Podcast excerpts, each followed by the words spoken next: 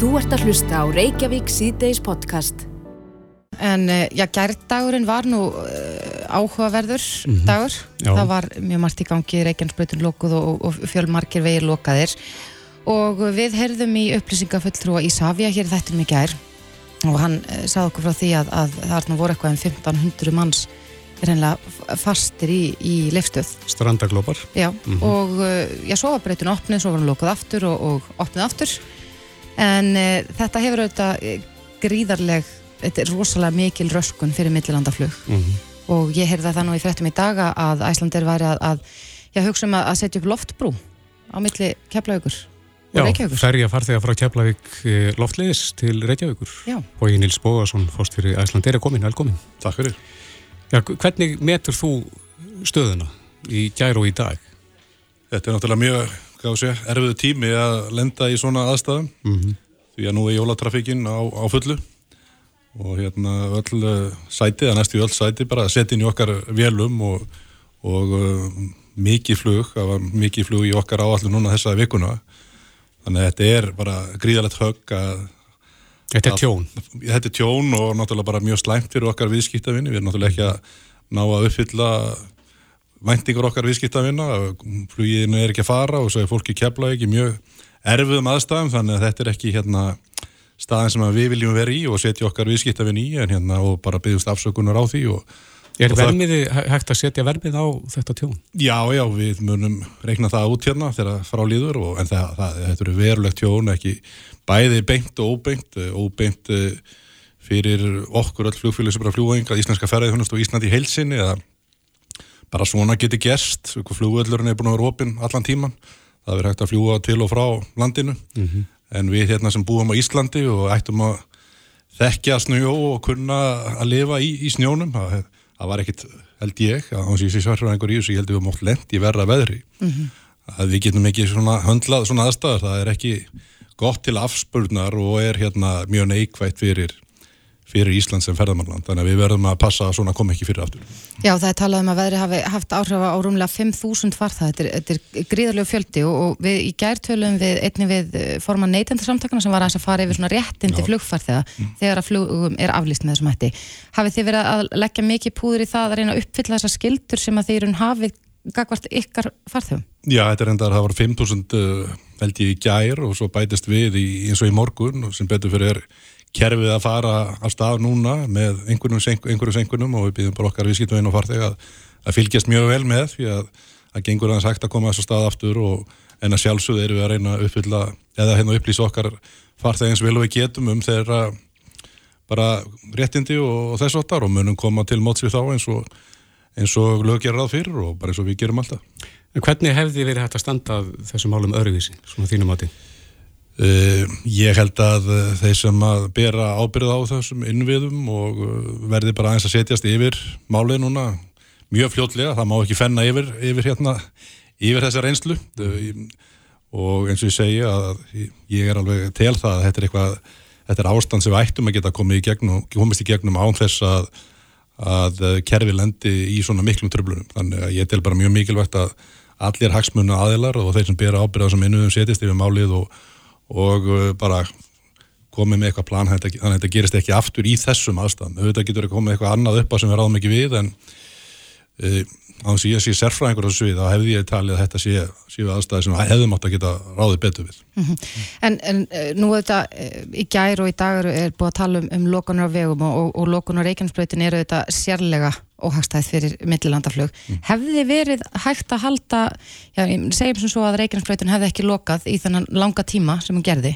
Hefði flugið haldist, já, nokkuð óraskað? Já, já, og það, við vorum náttúrulega fylgjast mjög vel með veðurspáma því að við höfum unnið þannig síðustu árin að, að ef að veðurspári eru mjög óhagstæðar og mjög mikla líkur á því að völlunum verði ófærð þá fellum við niður með svona ákveðinu fyrirvara. Það er bara betra fyrir okkar viðskiptavinnu og betra fyrir okkur og okkar starfsfólk álægi stýris betur þannig. Og uh, núna var útlitið alls ekki þannig að völlurinn myndi lokast og hann lokaðist aldrei og hefur ekki lokast ennþá og þannig að völlurinn hefur verið fær allan tíman þannig að þetta er engungu bara vegurinn upp á, upp á hérna frá Reykjavík til, til Keflavíkur. Og bara frá líka hérna það eru margi starfsmenn okkar sem búa á Reykjanesinu og það hefur verið mjög erfitt að komast upp á völl. Okkar starfsfólk hefur bara verið að berjast þarna í eins og í síðustu nóttu, gerðmorgun, hérna í gegnum snjóskabla og snjóbil, gangandi og þannig að við höfum verið mjög líka fálið hann upp á velli og fjöldi, fólks fjöldi viðskiptavina sem er að leita eftir þjónustu, leita eftir svörum, þannig að hérna Þetta hafa verið mjög krefandi aðstæðir fyrir bæði viðskiptavinni og okkar starfsfólk sem er bara unnið þryggverki. Mm. En í hverju fælst þessi loftbrú sem að tala um?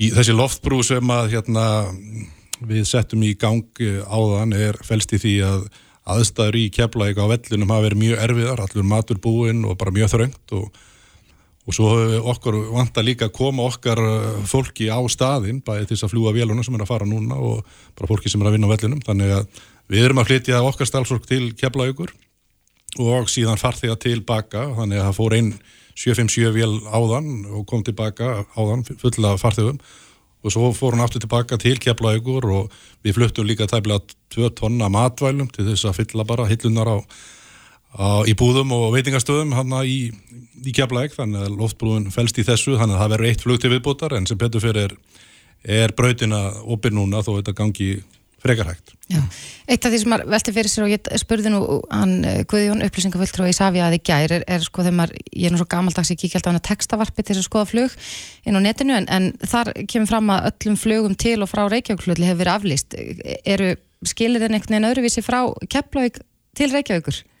Já, það er uh, allt önnu skilir, það er ókjörði við landinu og við erum að fljúa náttúrulega til Akurur, Egilstað og, og Ísafjörðar og já, og, og svona ókýrðar viðvarnir á, yfir, yfir landjón og þess að það sem er að valda því að það er ekkert að fljúa hefur ekki verið hægt að fljúa innanlands en Nei. hægt að fljúa hérna þessa stuttur leið á milli Keflavíkur og, Reykjavíkur en þess að e, Keflavíkur fljóðullur er búin að vera opinn allan tíman og vantilega Reykjavíkur fljóðullur líka en svona út á land hefur ekki verið hægt að fljúa Nei.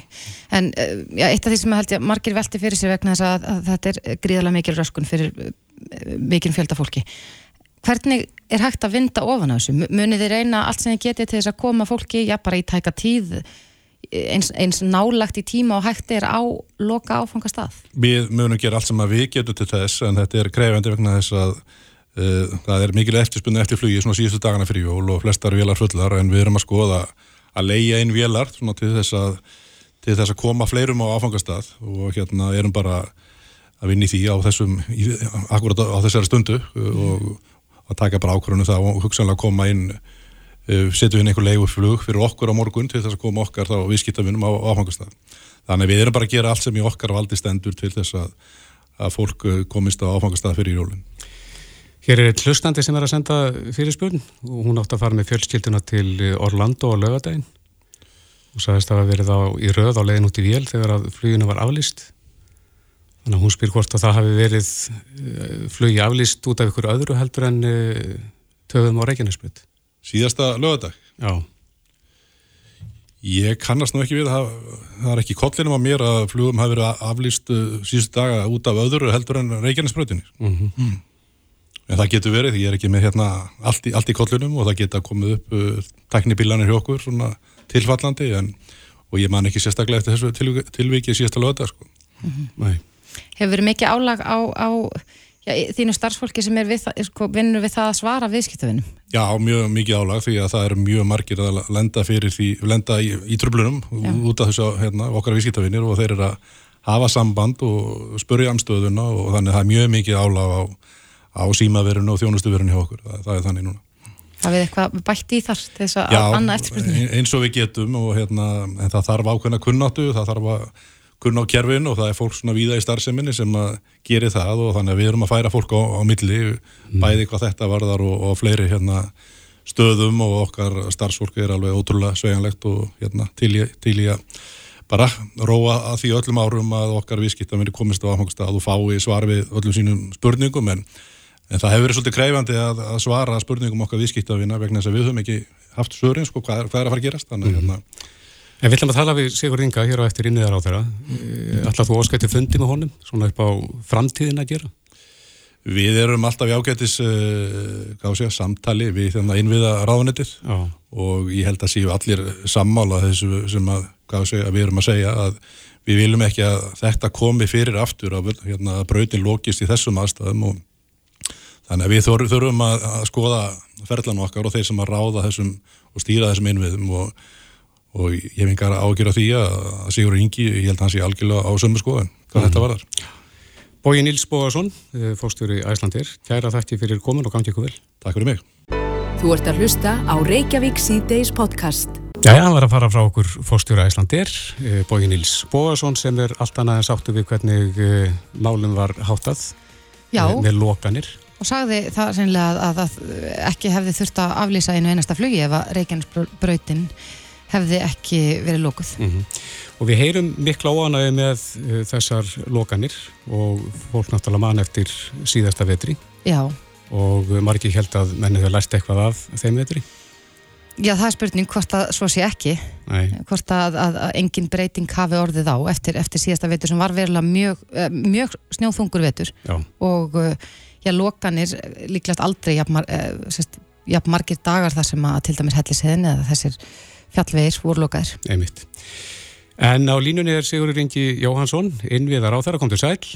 Já, sælveri. Æðistir maður við að kjærfisins. Uh, Herður í Boga Nýrs hérna á þann? Nei, ég mistu nefndir af því. Já, hann er ekki sáttur. Er, og maður heyrir mikla óanægu með hvernig þessu málum er, er háttað. Hvað menn eru snöggir til að, að loka?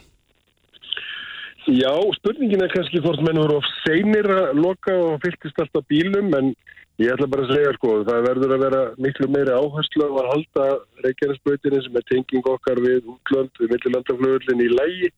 Þannig að meðan þegar flugurlinn er lægi þá hljóttum við að geta haldið veginum opnum líka og ég þegar hérna kallað fólk saman til þess að fara yfir það og mun halda því áfram því að við þurfum og ég mun tryggja að það mun ekki gerast svona eftir. Já. Þetta er auðvitað mikið rask fyrir mjög marga og eh, eins og við kannski tölum um hérna áðan að þá, þá eh, já, síðasti vetur var mjög erfiður og við tölum nú við þig og ásamt mjög mörgum öðrum aðlum hér í þessum þætti. Lærðum við ekkert af síðasta vetri?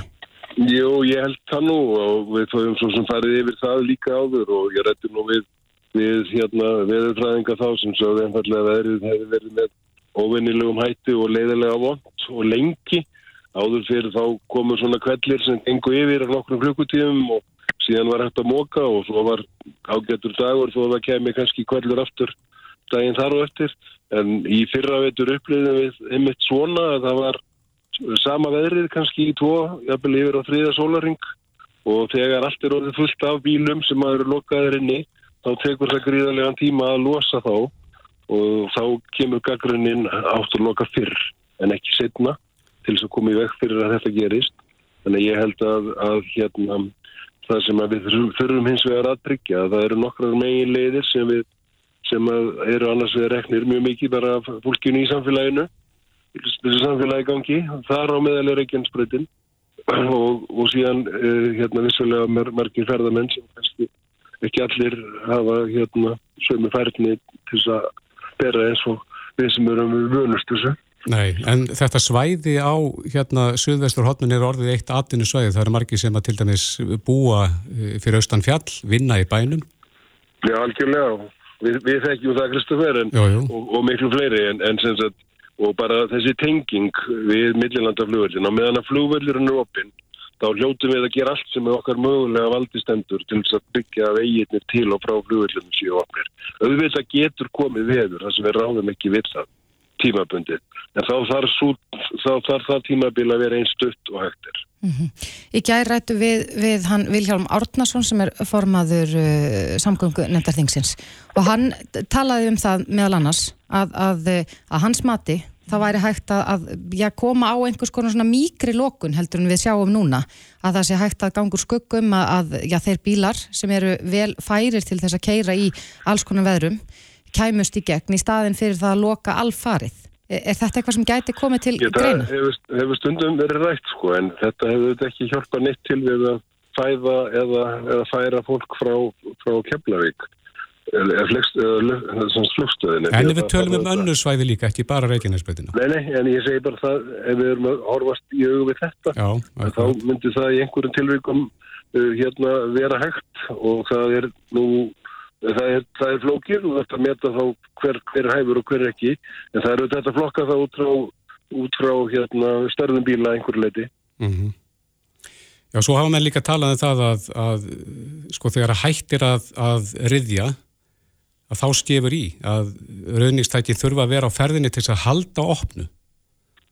Já, en þá þarf kannski einmitt að koma veg fyrir að bílar smerri og vannbúnir eða, eða bara einfallega kerin í skaplu og stoppa því að þá og það er eitt af því sem við þurfum kannski að fara yfir líka það er hvaða, vegarinn hafi næginlegar heimildir. Hún hefur líka ekki heimildir til að draga bíla á brott. Og það eru þetta ekki nóg gott sko, þegar þeir eru komnir og eru fyrir og þú getur ekki þú getur ekki látið snöðurungstækið kera einmitt til þess að halda opnu.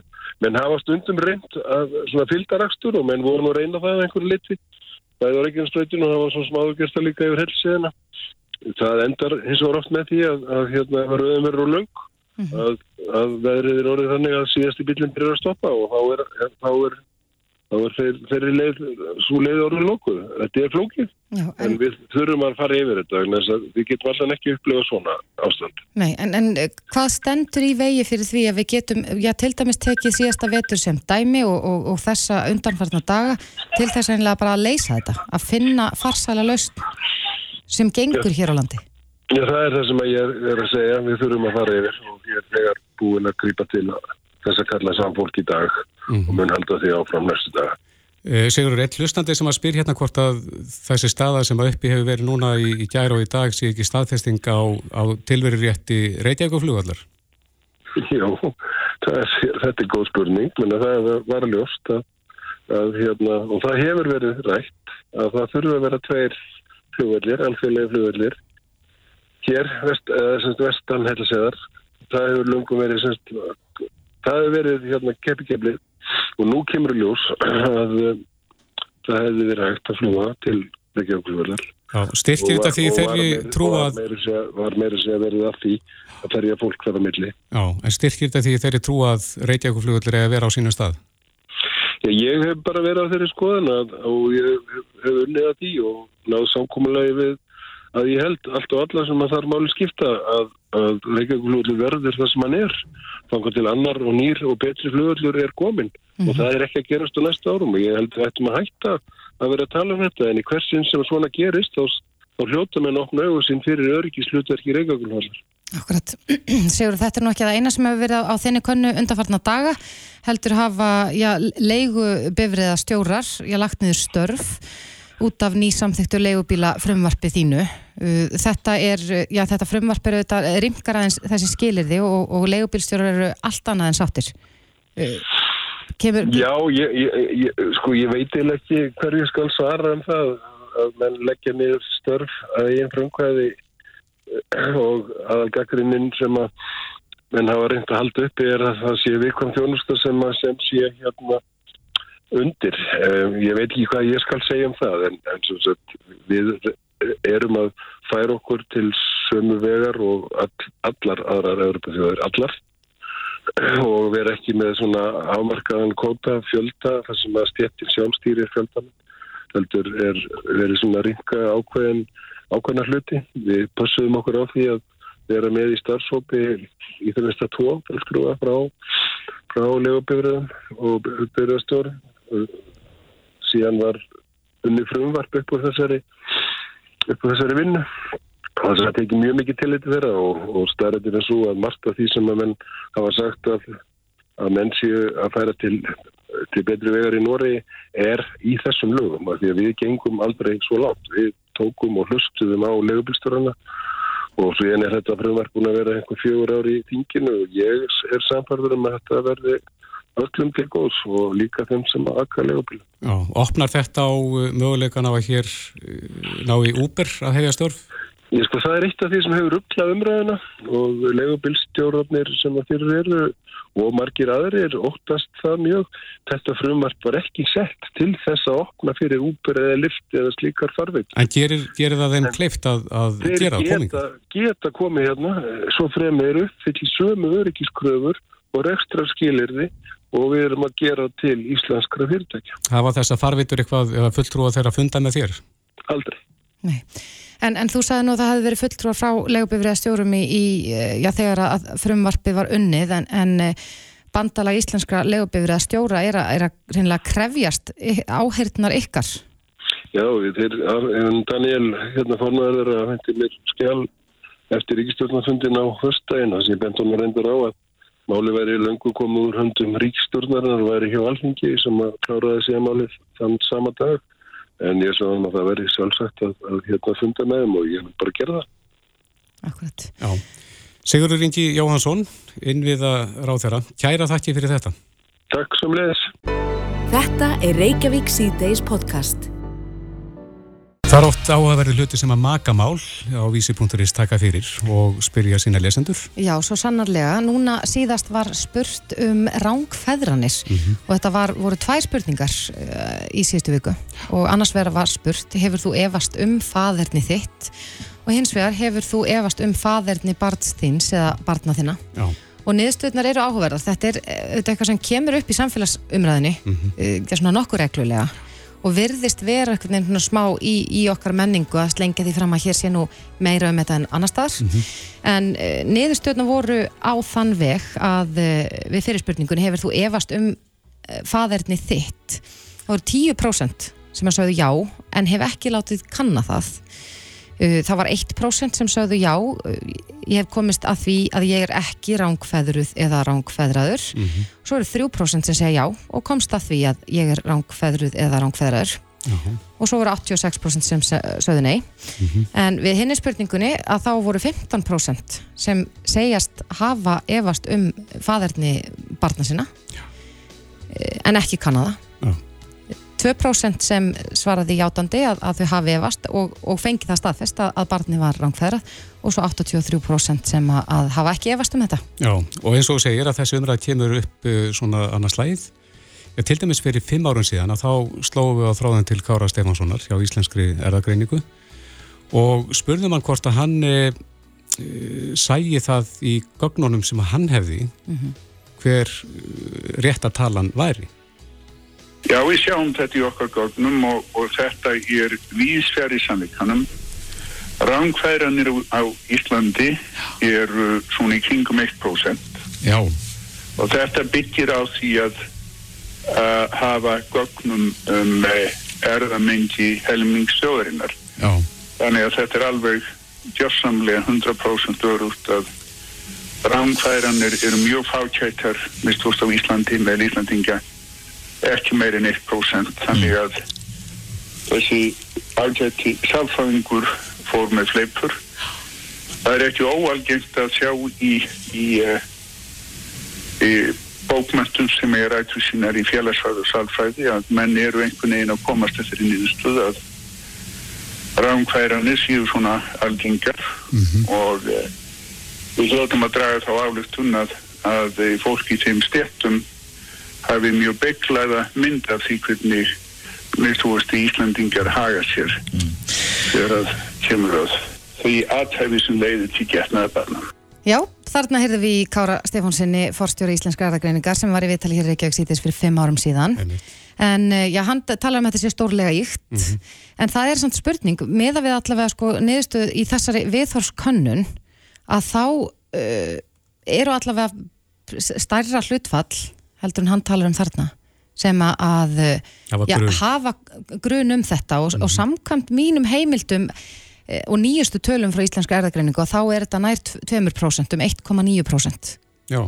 en uh, hann er sestur hjá okkur Guðmundur Halldónarsson professor í sagnfræði við Háskóla Íslands komdu sæl Já Guðmundur, ein, eins og þú heyri kannski á þessari umræðu þá virðist þetta vera eitthvað sem að við erum um, meira erum alltaf einhvern veginn að velta fyrir okkur jafnvel þó að raunin sé ekki harri en, en þessi prósenttala sem að Kári nefndi eða, eða þessar nýjustu tölur.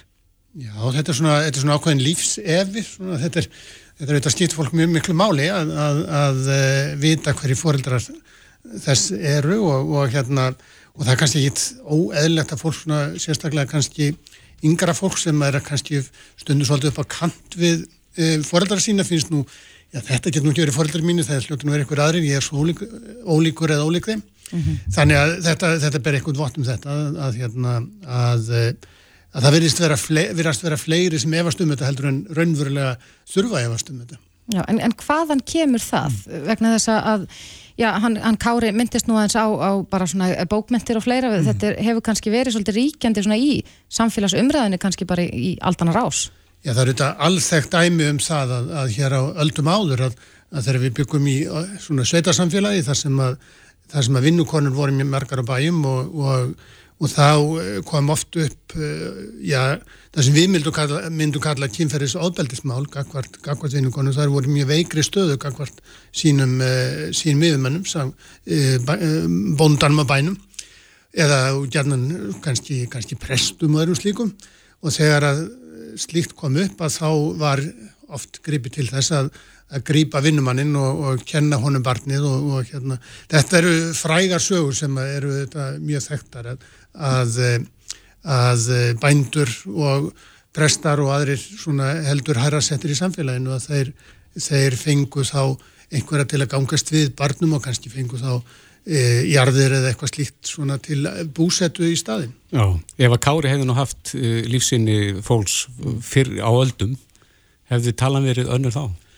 Ég hugsa hún að veri herri hér árum áður, sko, vegna þess að, að eins og ég segi, þá það sem að einkennir Íslands samfélagi gegnum tíðin er það að hér var mjög há tíðinni e, óskilgenni sem að, að e, svona stafaði meðal annars því hversu margar konu giftust ekki Eh, konur voru miklu fleiri en karlar og, og hérna þess vegna voru miklu fleiri vinnukonur heldur vinnumenn mm -hmm. og, eh, og staða vinnufólks á Íslandi var mjög slæm og, og mörguleiti svona svipaði til þrælahals í, í bandaríkjónum þó svo að, að vinnufólk hafði þetta ekki verið þrælar, þeir voru frálst til að fara einu snú ári og finna sér nýja, nýja bændu til, til að vera hjá en, en, en á meðan á, á á eh, svona þessu vinnu, vinnuhjúa sambandi stóða þá, þá var staða þeirra bísna veik. Mm -hmm. En þetta verðist þó vera mjög lífseg já, mýta kannski eða eitthvað sem var mjög ríkt hérna og samkvæmt fréttum eh, fyrir, eða greinit ég var sem byrstist fyrir tveimur án síðan að þá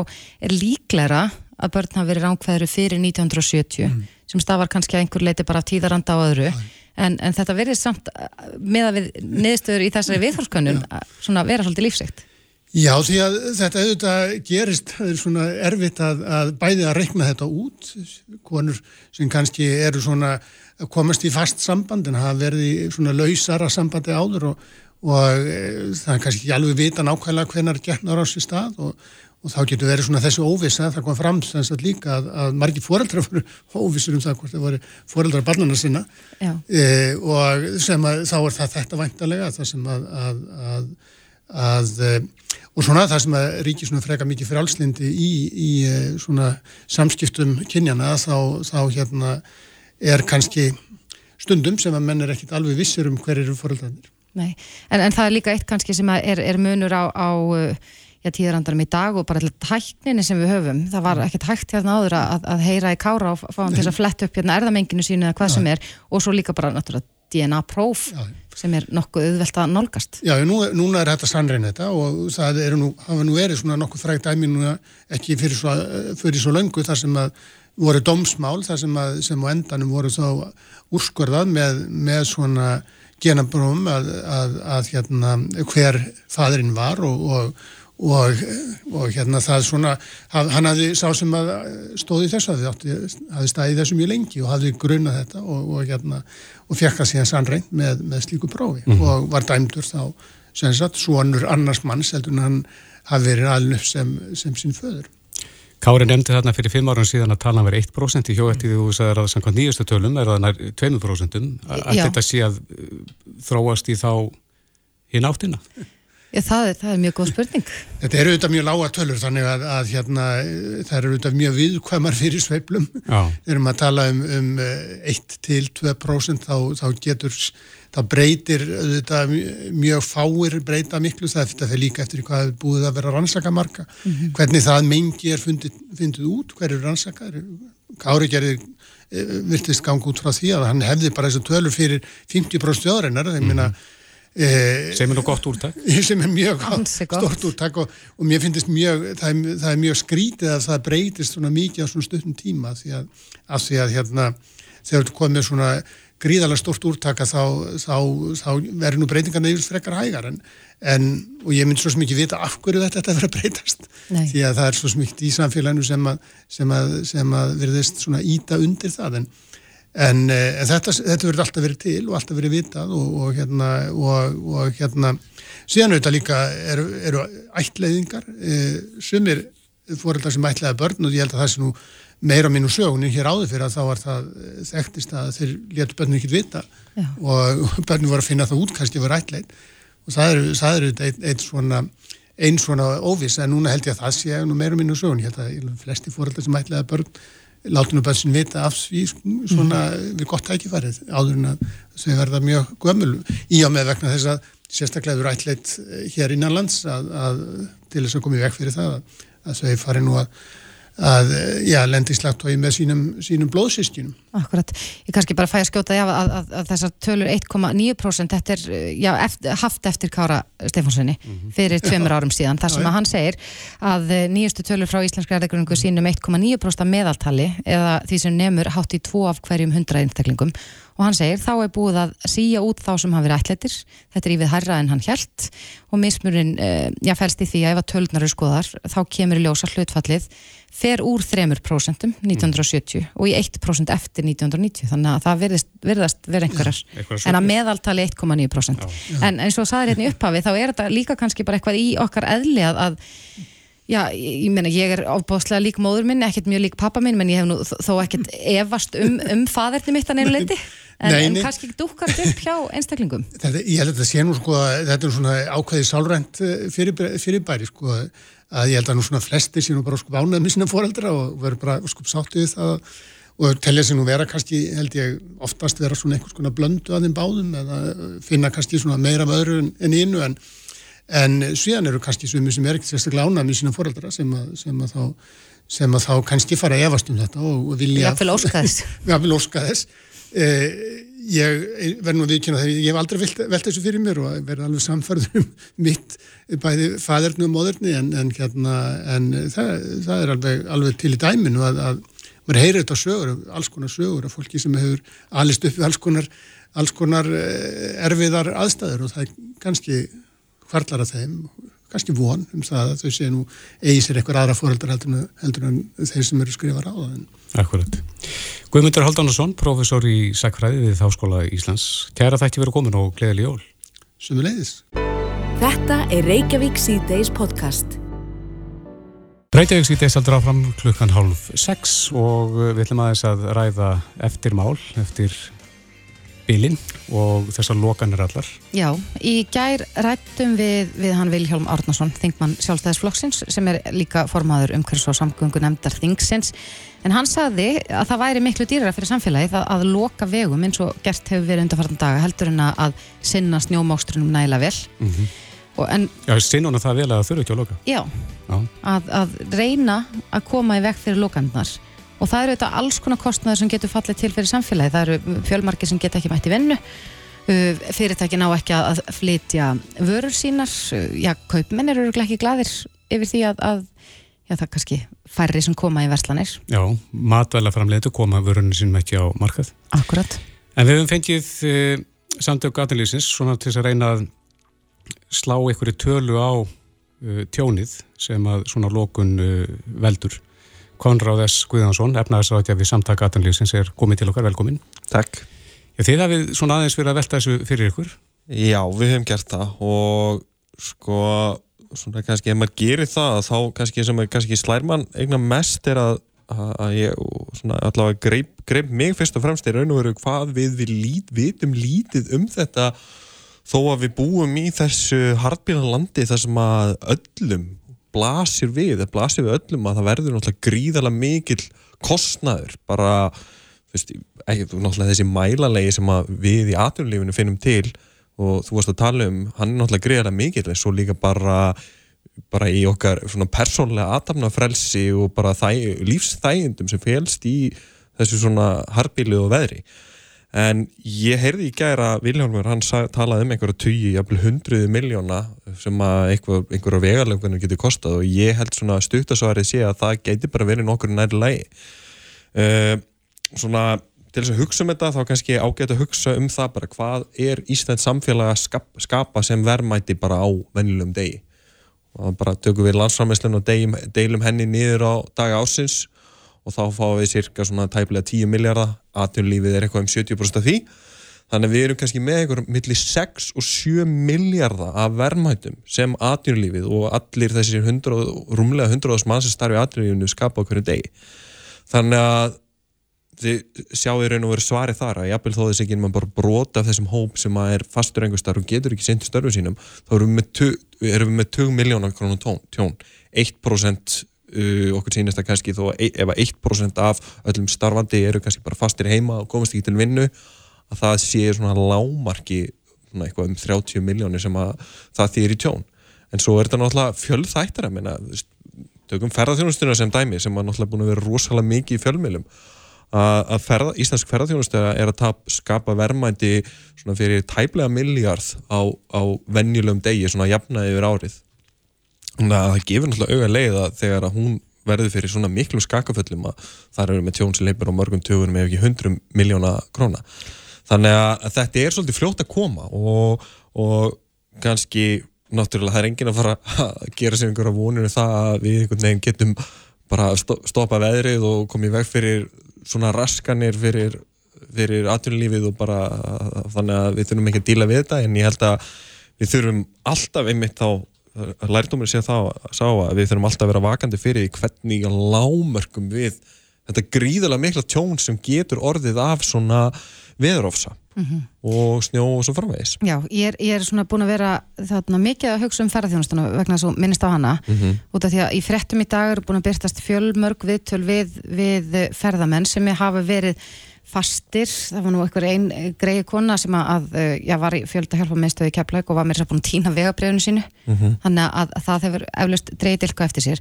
En þá veltum við líka fyrir sér sko bara ímynd landsins. Það eru einhverju sem að segja bara skýrt og skorun orðt í fjölmjölum hingað kem ég aldrei aftur. Já, það er, líka, það er kannski svona það sem er óþægilegast við þetta er að það er eitthvað sem er ennþá erfiðir að festa fingur á hvort að hversu miklu máli það skiptir, kannski skiptir að hér um bylengum máli uh, mögulega er þetta eitthvað sem að sérstaklega þetta verður gerast ítrekkað þá er ég svona held að ég sé nokkuð vissum það að þetta sé eitthvað til þess að verulegar áhyggjur af sérstaklega ef að það er hægt, hægt að koma í vekk fyrir að það lendir sér stöð og ég hef heyrt til dæmis fórstjóru á Æslandir og fleiri veltaði fyrir sér hefði til dæmis virkilega þurft að hafa reikinæksbröðin að loka allan enn tíma því að það var það sem var vandamálinlega ekki flugið við horfum á bara millilandaflugið sko. mm. ég alveg átta mikið alveg að vel á, á ferðinni fjallvegi en ég svona gef mér það að það sé erfiðar að halda þeim opnum í svona veðri heldur en veg sem að liggur hérna við sjáu síðan bara alveg svo byggðin henni í Reykjavík og hérna, það er ekki búið að vera ófært innanbærir í allavega henni í Reykjavík þó að, eins og segja, það er nú samt ekki alveg sambærilegt og ég ætla ekki að fara fullir um það að það hefði verið hægt að gera betur en ég held að það sé algjörlega þessi virði að skoða gaumgæfilega hvernig er hægt að tryggja það að svona gerist ekki aftur, mm -hmm. ef það er mögulegt Er, er hægt að uh, finna ykkur á tölu, þar sem er hægt að reikna út heldartjónið sem að svona lókun eða lókan er valda? Það er sjálfsagt örglegum við einn hægt að slá á það. Ég, ég myndi eins og segja, ég myndi finnast líklegt að þetta getur verið einhverju hundruð miljóna krónar uh, við ættum eftir að slá einhverja fjárhæð. Lókun þá í dag? Já, með við það sé að hafa raskanir raun og verið í, í þrjá að hátt í þrjá daga, að, þrjá sólarhinga, það getur verið eitthvað svolítið stjón en eins og segi, við vantar kannski svolítið aðeins að rannsóknunar til þess ég myndi segja sko, þetta eru 20 miljóna algjörlega lámarki og ég er ekki hissa þó að valdir er tekið til að þá getur verið jafnvel, eh, veist, þetta er náttúrulega bara fabuleiringur og ítrekka, það er ekki til rannsóknur um þetta en það er mjög auðvelt að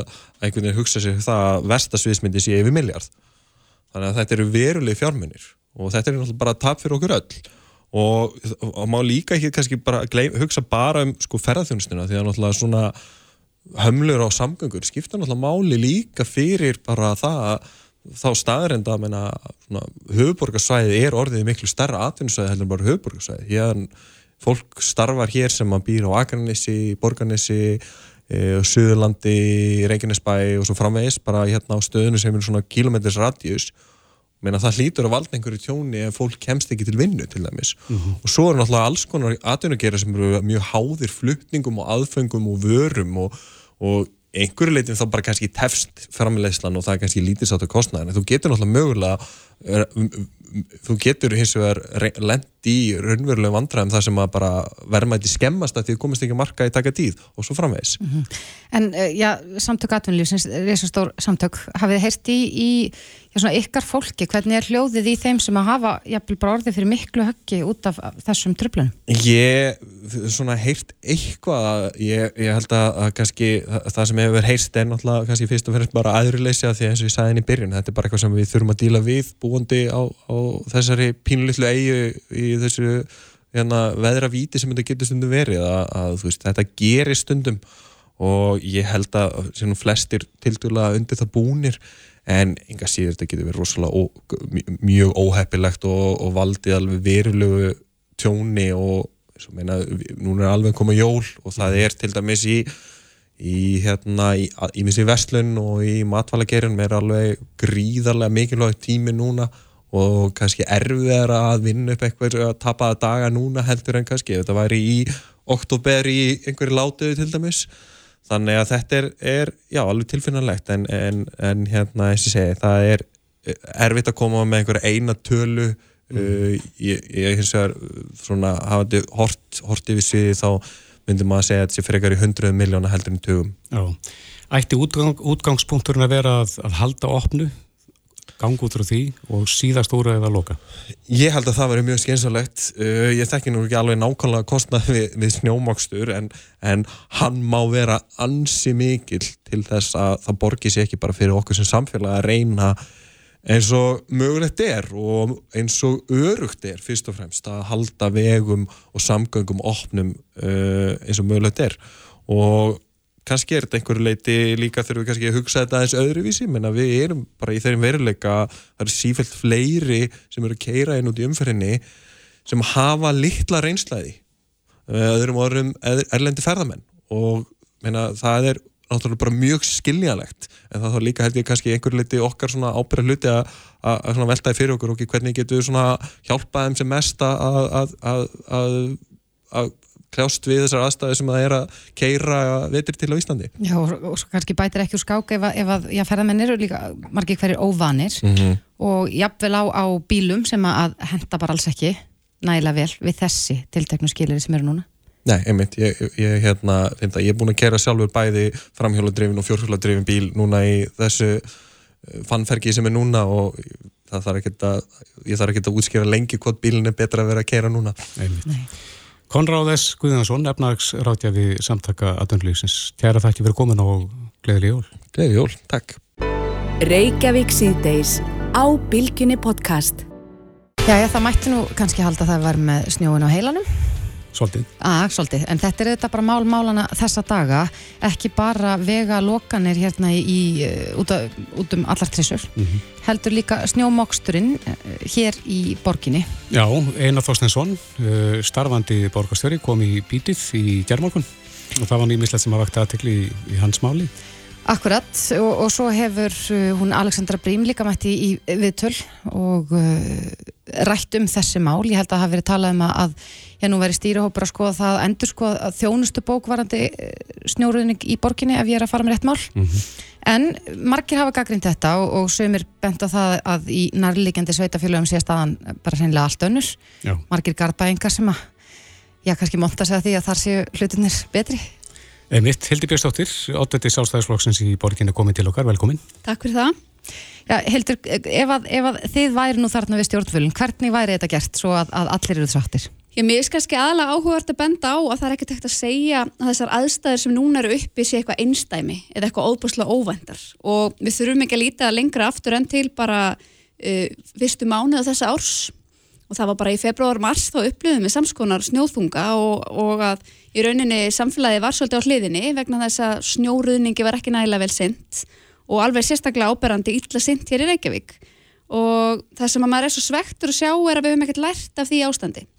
Og það er auðvitað líka sérkennilegt, ég menn auðvitað erum við, við búum bara hérna á norður hér að veraldar og berangri allansafsins á lítilli ískaldri eigu og hér kemur snjór og þetta er snjóðungt land og við eigum auðvitað að vera bara með viðbræð og vinna eftir einhverjum áallunum að þegar að spár segja til um að, að svona mikill snjóðungi sé á leiðinni að þá bara kikkar inn einhver viðbræðsáallun og all, allir fara á stað. Þannig að við sjáum það auðvitað að að þetta virðist vera mjög illaskipulagt og, og í rauninni vannbúnaður og það, það var áhugavert einmitt í februar uh, á þessu ári þegar að aðstæður voru sambarilegar þeim sem nú eru uppi að þá lístu starfsmenn vetraþjónustu Reykjavíkuborgar sig algjörlega fullsatta eins og orðið. Það, bara algjörlega fullsattir á einhvern veginn virðingaleysinu og skilningsleysinu hjá borgareifu völdum í þeirra garð.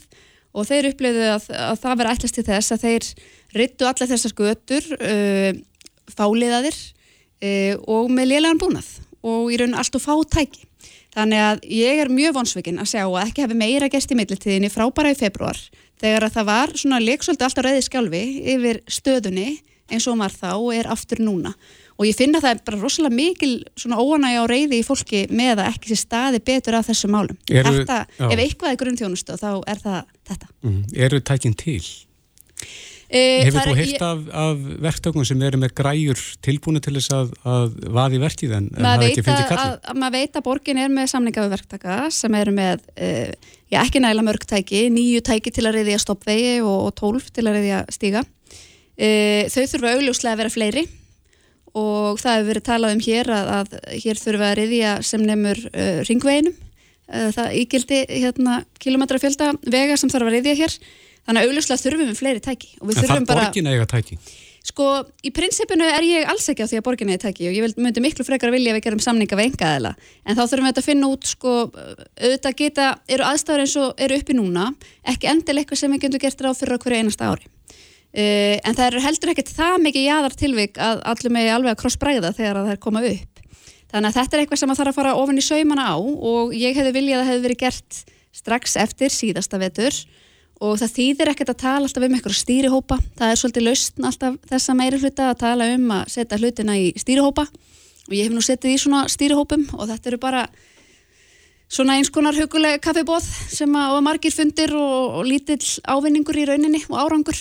Þannig að mm. það þarf bara líka að fara að bretta upp hermar og, og taka ákvarðanir og, og ákveða að gera betur og gera meira. Já, við auðvitað sjáum það að, að þetta er nú bara, já, veturinn er nú bara að byrja og uh, já, hættan er nú kannski svo að, að ef þetta er til umræðu mikið lengur að, að þá verði ekki heldur viðbræði betra næst. Hvað væri hægt að gera bara í stöðunni akkurat núna? Er það bara hreinlega að, að semja við fleiri aðila um að sinna þessu? Ég held að þurfa að setjast niður með þeim verktökum sem að sjá um þessa þjónustu fyrir borgina og kanna í rauninni eh, hversu mikil umsvið þeir telja sér áða við í þessu. Og það er bara eins að skoða það. Og ég myndi vilja sjá að borgin væri vinn eftir viðbræðsáallun sem að gætu verið bara á allun A, B og C eða hvernig það er og, og færi bara eftir eh, hvernig aðstæður eru hverju sinni.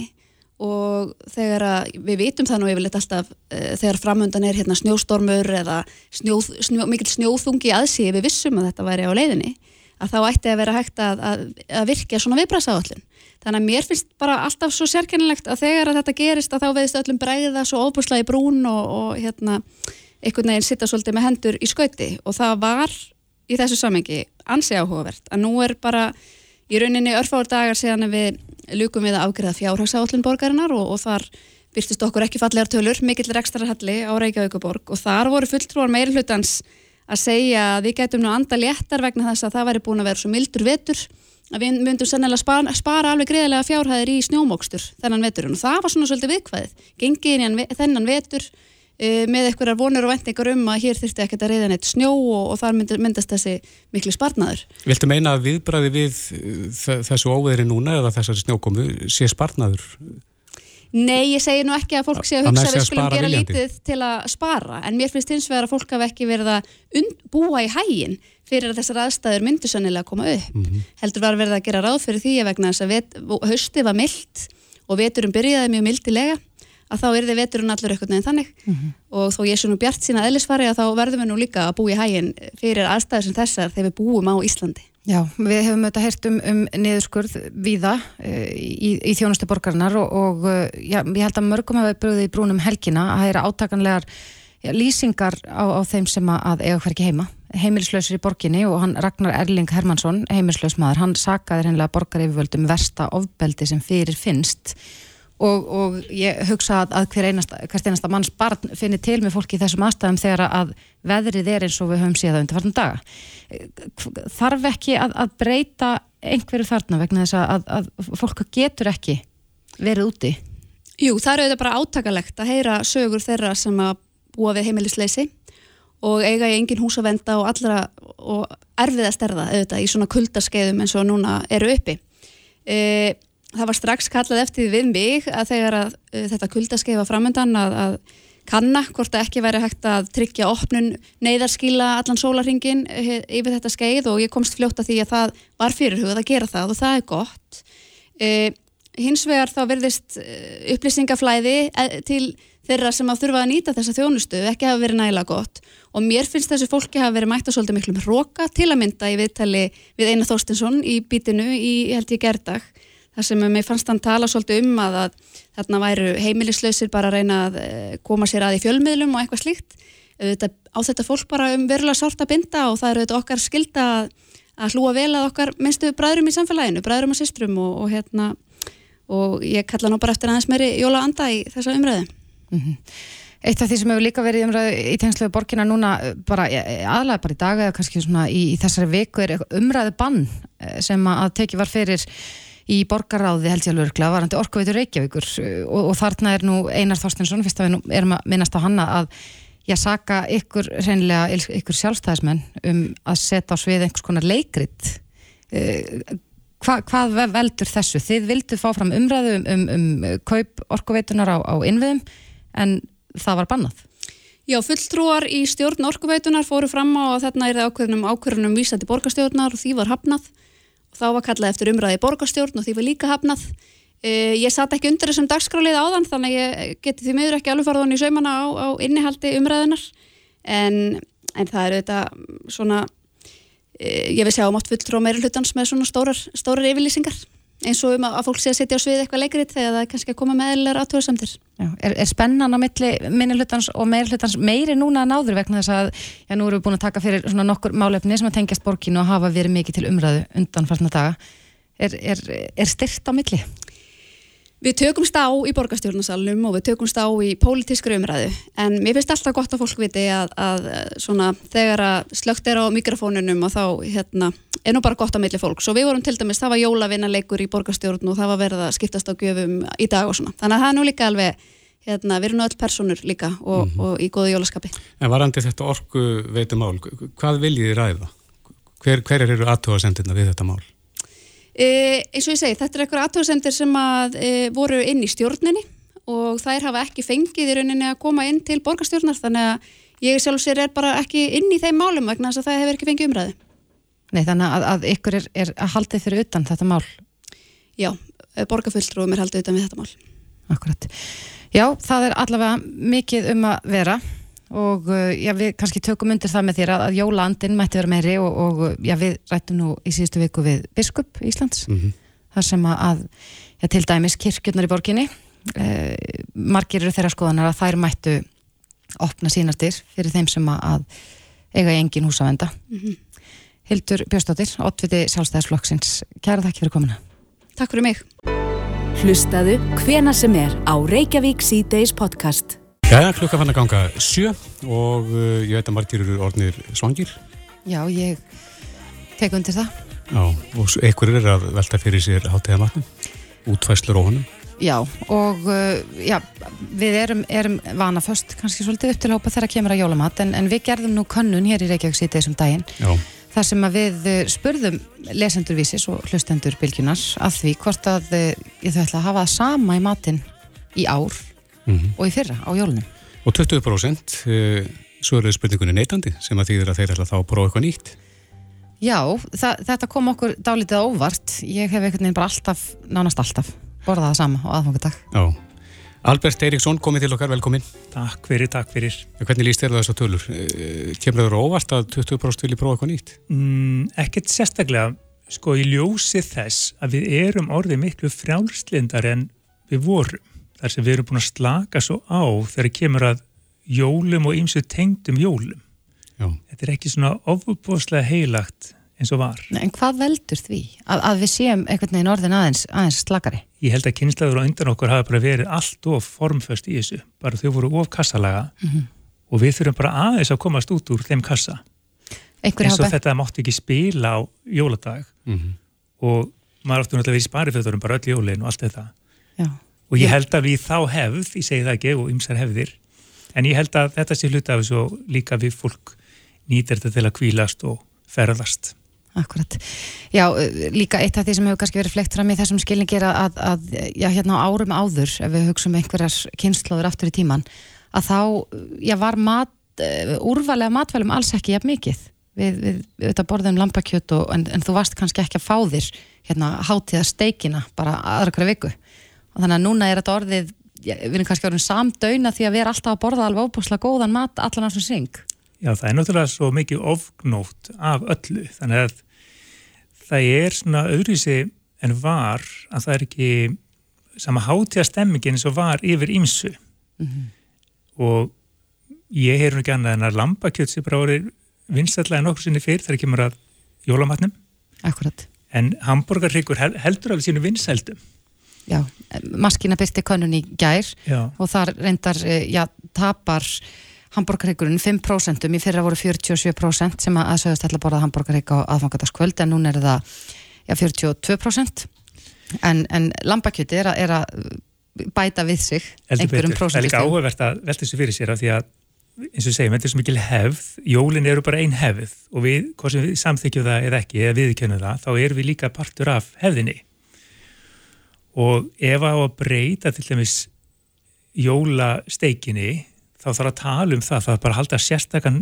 fjölskyldu fund með góðum fyrirvara og tala um hvað ætti að vera í matinn annað en það sem hefur verið, ef á að breyta það sama á við um eftirrétt og er forréttur Já, og svo færist þetta getur ska, skapa Já. bara úlfúð Mhm.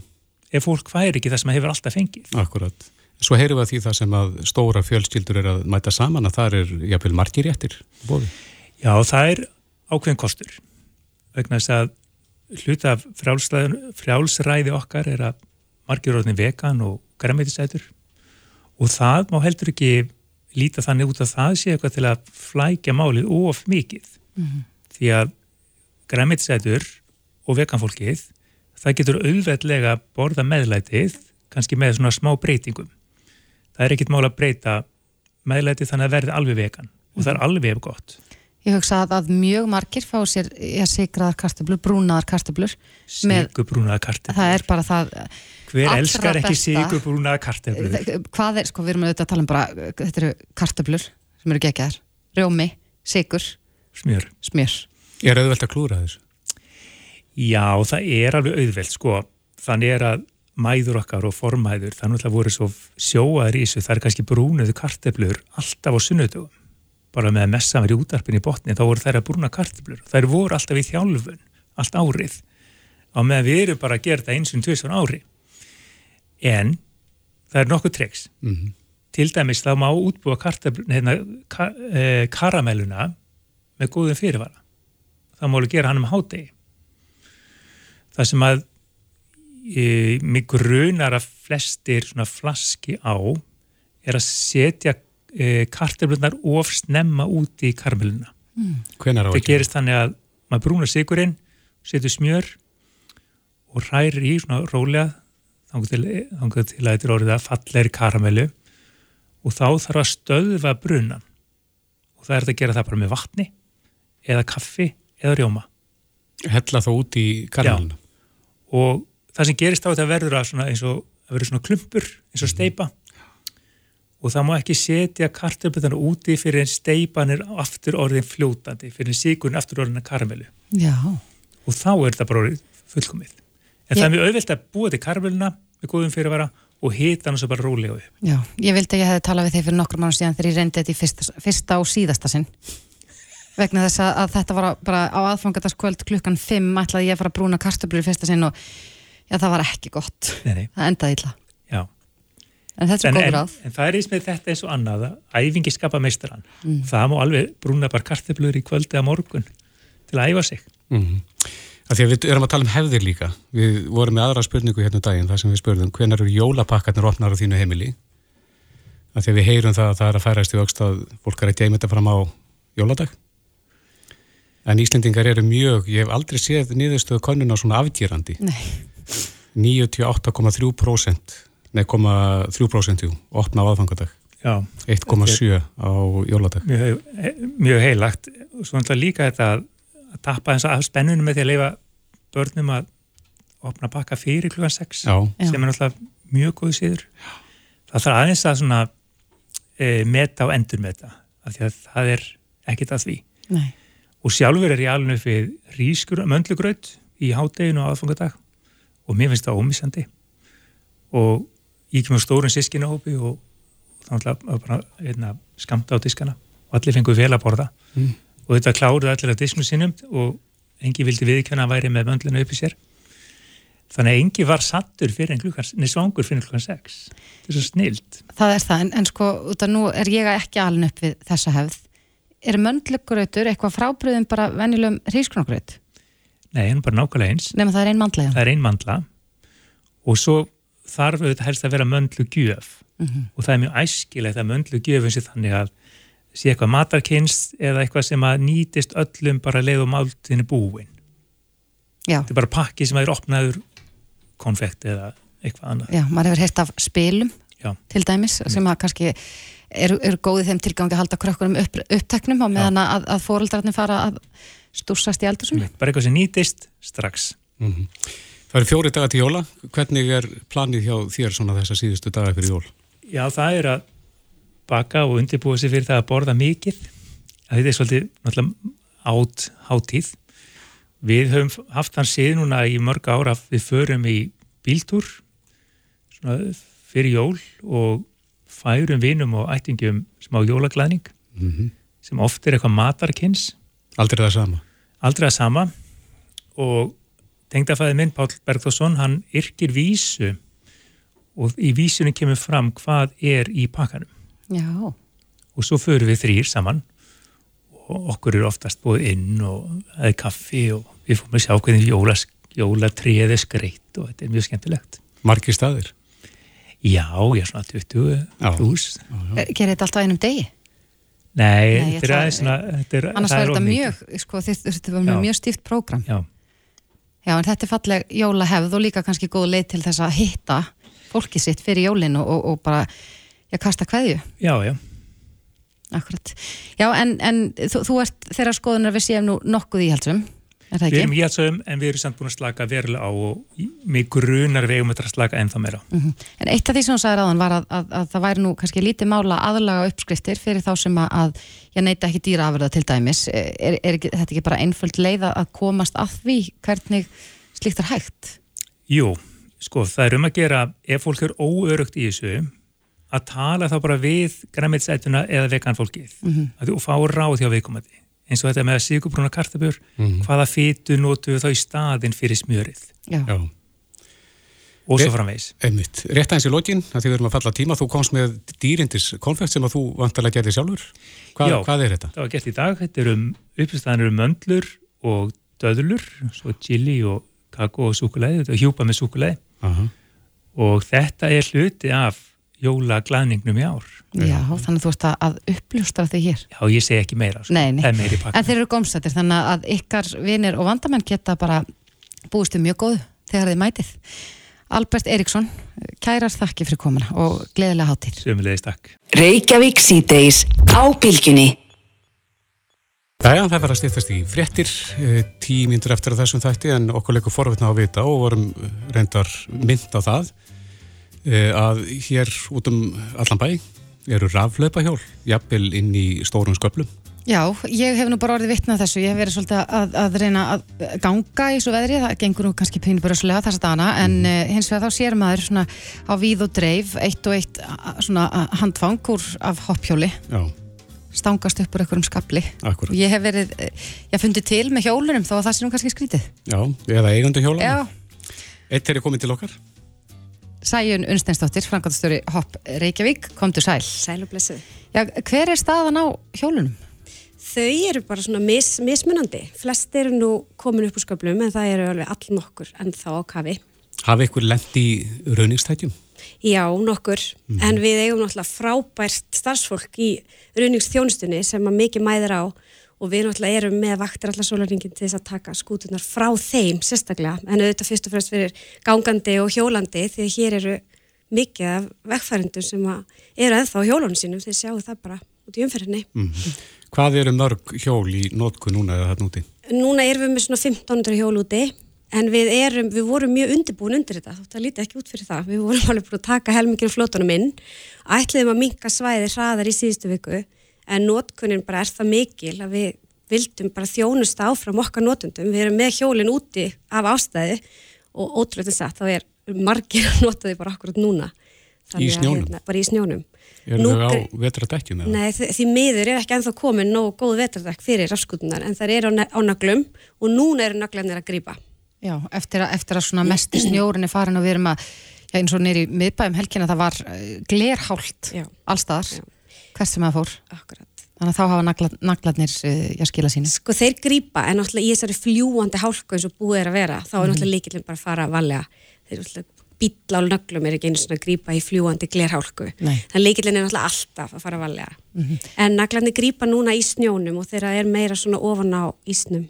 En þetta var þetta mikill skellur sem kannski var alveg hægt að búast við að einhver leiti. Mhm. Eh, Er þetta mikið tjón fyrir ykkur þegar að, að já, hjólinn er að festast í, undir snjóskapli? Nei, þau eru ótrúlega seg og svo eru við náttúrulega bara með svo flotta stefnu. Við höfum óbúslega mikið af varlutum og við getum skiptum allt í rafskútanum og þannig að við bara, við viljum ekkert að skútuna séu fyrir. Þannig að veist, í samningur Reykjavík borgar auðvitaðstækin eiga að reyðja þau út e, úr vegi því við viljum ekkert órutan stík hann gagnast ekki okkur og gagnast engum.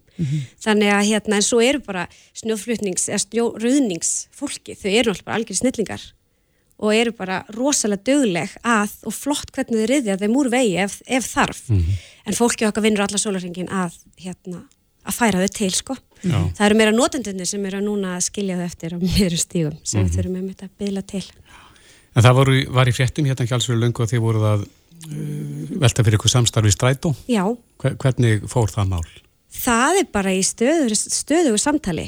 Og núna kannski snýst þetta mest um að fá stæði fyrir skútunar við, við hérna strætó og skílin að því að þú veist, við, almenningssamgöngur er alltaf umhverfisvænasta leiðin til þess að ferðast og rafskútan er svo mikilvæg í þessari flóru.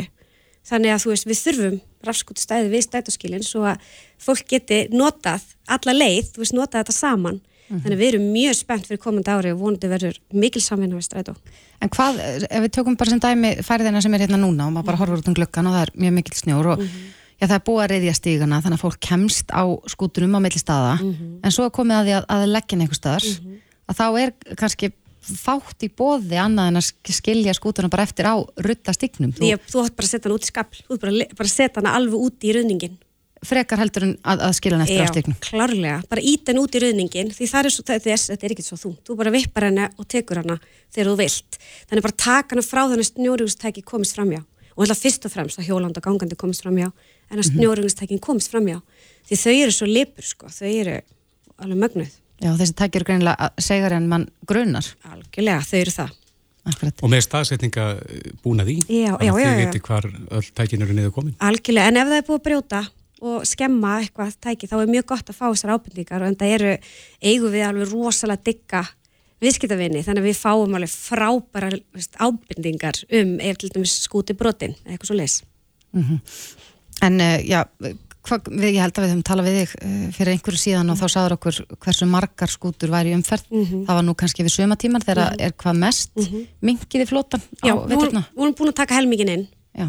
Og erum núna því miður, þurfum við að minka svæðin og við erum alveg að fá mjög mikið bara, nei, ekki minka fyrir okkur. Þannig að við, við þurfum að minka svæði yfir þetta tíma. Við byggjum þetta allt saman á gögnum, við tökum skútunar inn og minkum svæðið okkar, allt byggt á nótkunn og við þurfum alltaf bara að vera með góða þjónustu því við erum alltaf líka með bíla. Þannig að við, við Hvaða bara- svæði þetta þá helst út? Sko við erum því miður búin að loka gráinum þannig að við erum alveg með tárin í augunum hérna hverjum degi að loka og við vorum að loka árbeinum í dag og svo minka bara svæðin okkar alveg garðabærin, þú veist að minkar hafnafjöru garðabær, kópavogur Eftir sem að líður á vetur? Já, við ætlum að reyna að halda opnu alveg inn í hafnafjörð en við þurfum að minka svona hverfin út Mhm. en það fer bara algjörlega eftir notkun Já. og við gerum þetta allt með tárin í augunum sko. þetta er ekki, Já. þetta er ekki Hvað eru hjólinn mörg sem eru í umferð núna? Við erum með 1500 og við náum að halda þeim út á götu. Já. Þannig að nú eru öll neld með sérstökum nýjum endurskismerkjum til þess að sjá spytur. Já.